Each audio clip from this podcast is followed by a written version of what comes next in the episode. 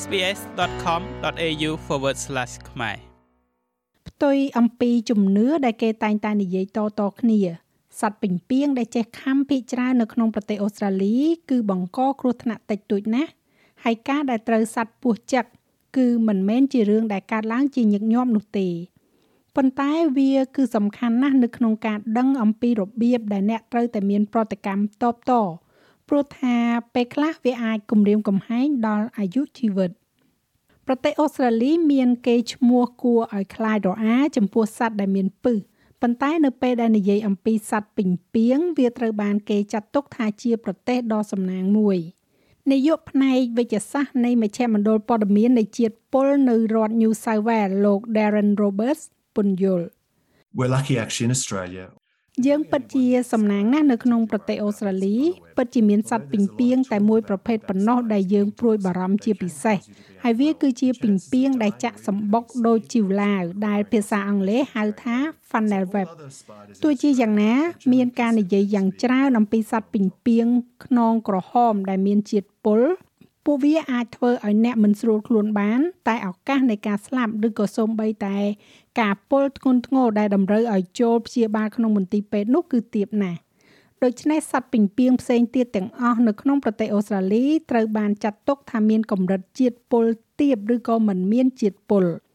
ទោះបីជាសត្វពីងពីងខ្នងក្រហមមានពឹសក៏ដោយ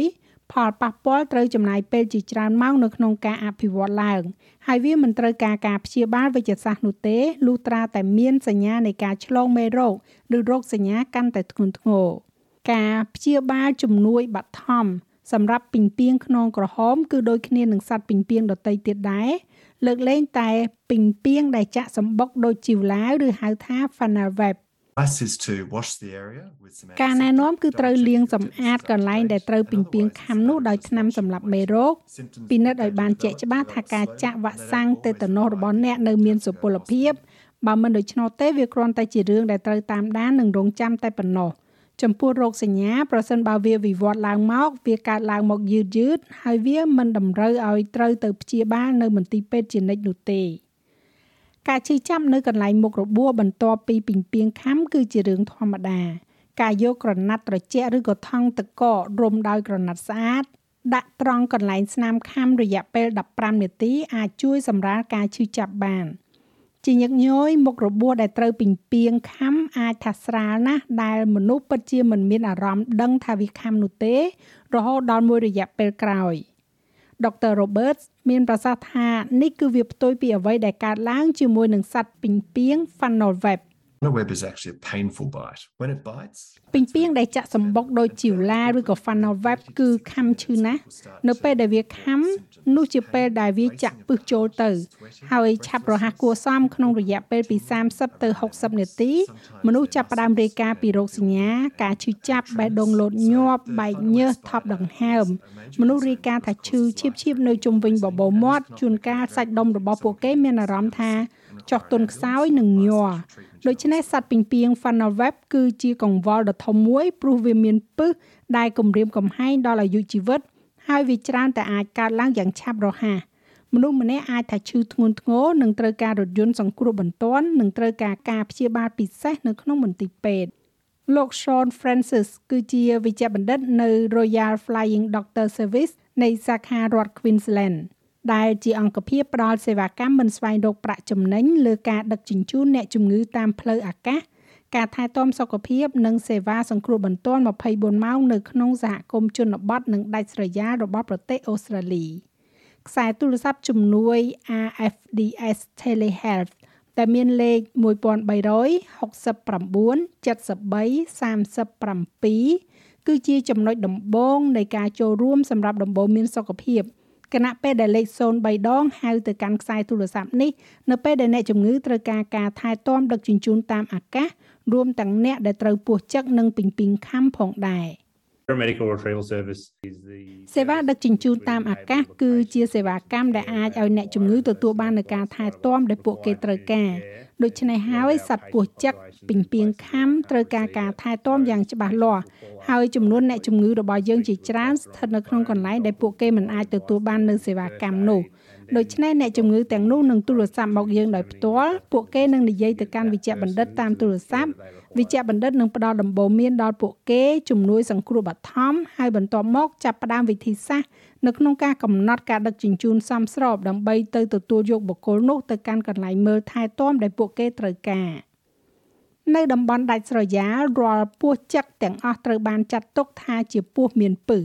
ទោះជាយ៉ាងណាក៏ដោយសម្រាប់ពីងពីងខំដែលជារឿងធម្មតានោះអ្នកជំនាញសុខភាពនឹងវាយតម្លៃរោគសញ្ញាដើម្បីធ្វើការហៅទូរស័ព្ទរោគអន្តរាគមន៍ Dr. Francis ពន្យល់បន្ថែម Our general approach to someone who advises us they've been វិធីសាស្ត្រទូទៅរបស់យើងចំពោះនរណាម្នាក់ដែលផ្ដល់យោបល់ដល់យើងថាពួកគេត្រូវបានពោះចឹកគឺយើងចាត់ទុកគ្រប់ករណីទាំងអស់ថាមានជាតិពឹសជ្រាបចូល ទោះបីជាមិនមានរោគសញ្ញាក៏ដោយព្រោះវាមានសវត្ថភាពបំផុតនៅក្នុងការធ្វើដូច្នេះការត្រូវពីងពីងខំប្រហែលជាខុសគ្នាបន្តិចជារឿយៗប្រភេទសត្វពីងពីងឬក៏ប្រភេទនៃការរងរបួសមិនត្រូវបានគេដឹងភ្លាមភ្លាមនោះទេដូច្នេះមិនថាវាជាពីងពីងខ្នងក្រហមឬក៏ funnel web ឬក៏ពីងពីងប្រភេទផ្សេងទៀតនោះទេ ជារឿយៗវាគ្រាន់តែជាលក្ខណៈដូចជាខ្ញុំបារម្ភថាខ្ញុំត្រូវបានសត្វពីងពីងខំខ្ញុំមានអារម្មណ៍មិនស្រួលខ្លួននោះទេ ដូច្នេះនៅពេលដែលមានរោគសញ្ញាច្រើនជាងការឈឺចាប់នៅកន្លែងដែលត្រូវខាំនោះយើងចាប់ផ្ដើមមានការព្រួយបារម្ភកាន់តែខ្លាំងនោះគឺជាកត្តាជំរុញឲ្យពួកយើងធ្វើអន្តរាគមហើយបន្ទាប់មកបង្កើនការថែទាំដំបូន្មានសម្រាប់ការដែលត្រូវសัตว์ពីងពីងខំជាពីងពីងខ្មៅធំដែលអាចថាជាពីងពីងស្ថិតក្នុងអំបូរគ្រួសារពីងពីងដែលចាក់សម្បុកដោយជីវឡាវឬក៏អត់នោះគឺត្រូវតែព្យាបាលវាជាករណីអាសន្នផ្នែកវិទ្យាសាស្ត្រ Dr. Roberts រៀបរាប់ពីជំហានជំនួយបឋម What we do is we apply a pressure អ្វីដែល immobilization យើងត្រូវធ្វើគឺយកបង់រុំដំបៅដែលចងសង្កត់នៅជុំវិញកន្លែងខំរួចរុំឡើងចុះឡើងចុះវាគឺជាបង់រុំវាមិនមែនជាខ្សែរឹតទេ ហើយបុគ្គលនោះត្រូវគេងឲ្យស្ងៀមស្ងៀមមែនទែនកុំកំរើករហូតដល់រថយន្តសង្គ្រោះមកដល់នៅពេលដែលនរណាម្នាក់ត្រូវពីងពីង funnel webcam យកល្អបំផុតកុំឲ្យគេដើរចុះដើរឡើងព្រោះវាអាចជួយបង្កើនល្បឿនឲ្យពឹសជ្រាបចូលពេញរាងកាយនៅតំបន់ខ្លះរថយន្តសង្គ្រោះក៏មានថ្នាំសម្រាប់ពឹសផងដែរដោយសារតែសារៈសំខាន់នៃការផ្ដល់ថ្នាំសម្រាប់ពឹសឲ្យបានឆាប់ហើយពួកគេនឹងនាំអ្នកទៅមន្ទីរពេទ្យតាមស្ថិតិការស្លាប់ដោយសារពោះចឹកគឺកម្រតួលេខថ្មីថ្មីបង្ហាញពីការស្លាប់ជាមធ្យម2នាក់ក្នុងមួយឆ្នាំនៅក្នុងប្រទេសអូស្ត្រាលីសម្រាប់ការដែលត្រូវពោះចឹក3000នាក់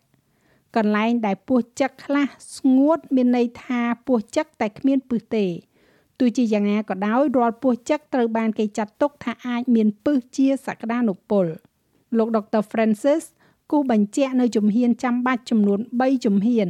ទី1គឺការរុំបង់សង្កត់មុខរបួសឲ្យជាប់ពីរគឺដាក់លើឈើអបអវយវៈដែលត្រូវពោះចឹកកុំឲ្យកម្រើកបាន និងហៅទៅលេខ03ដង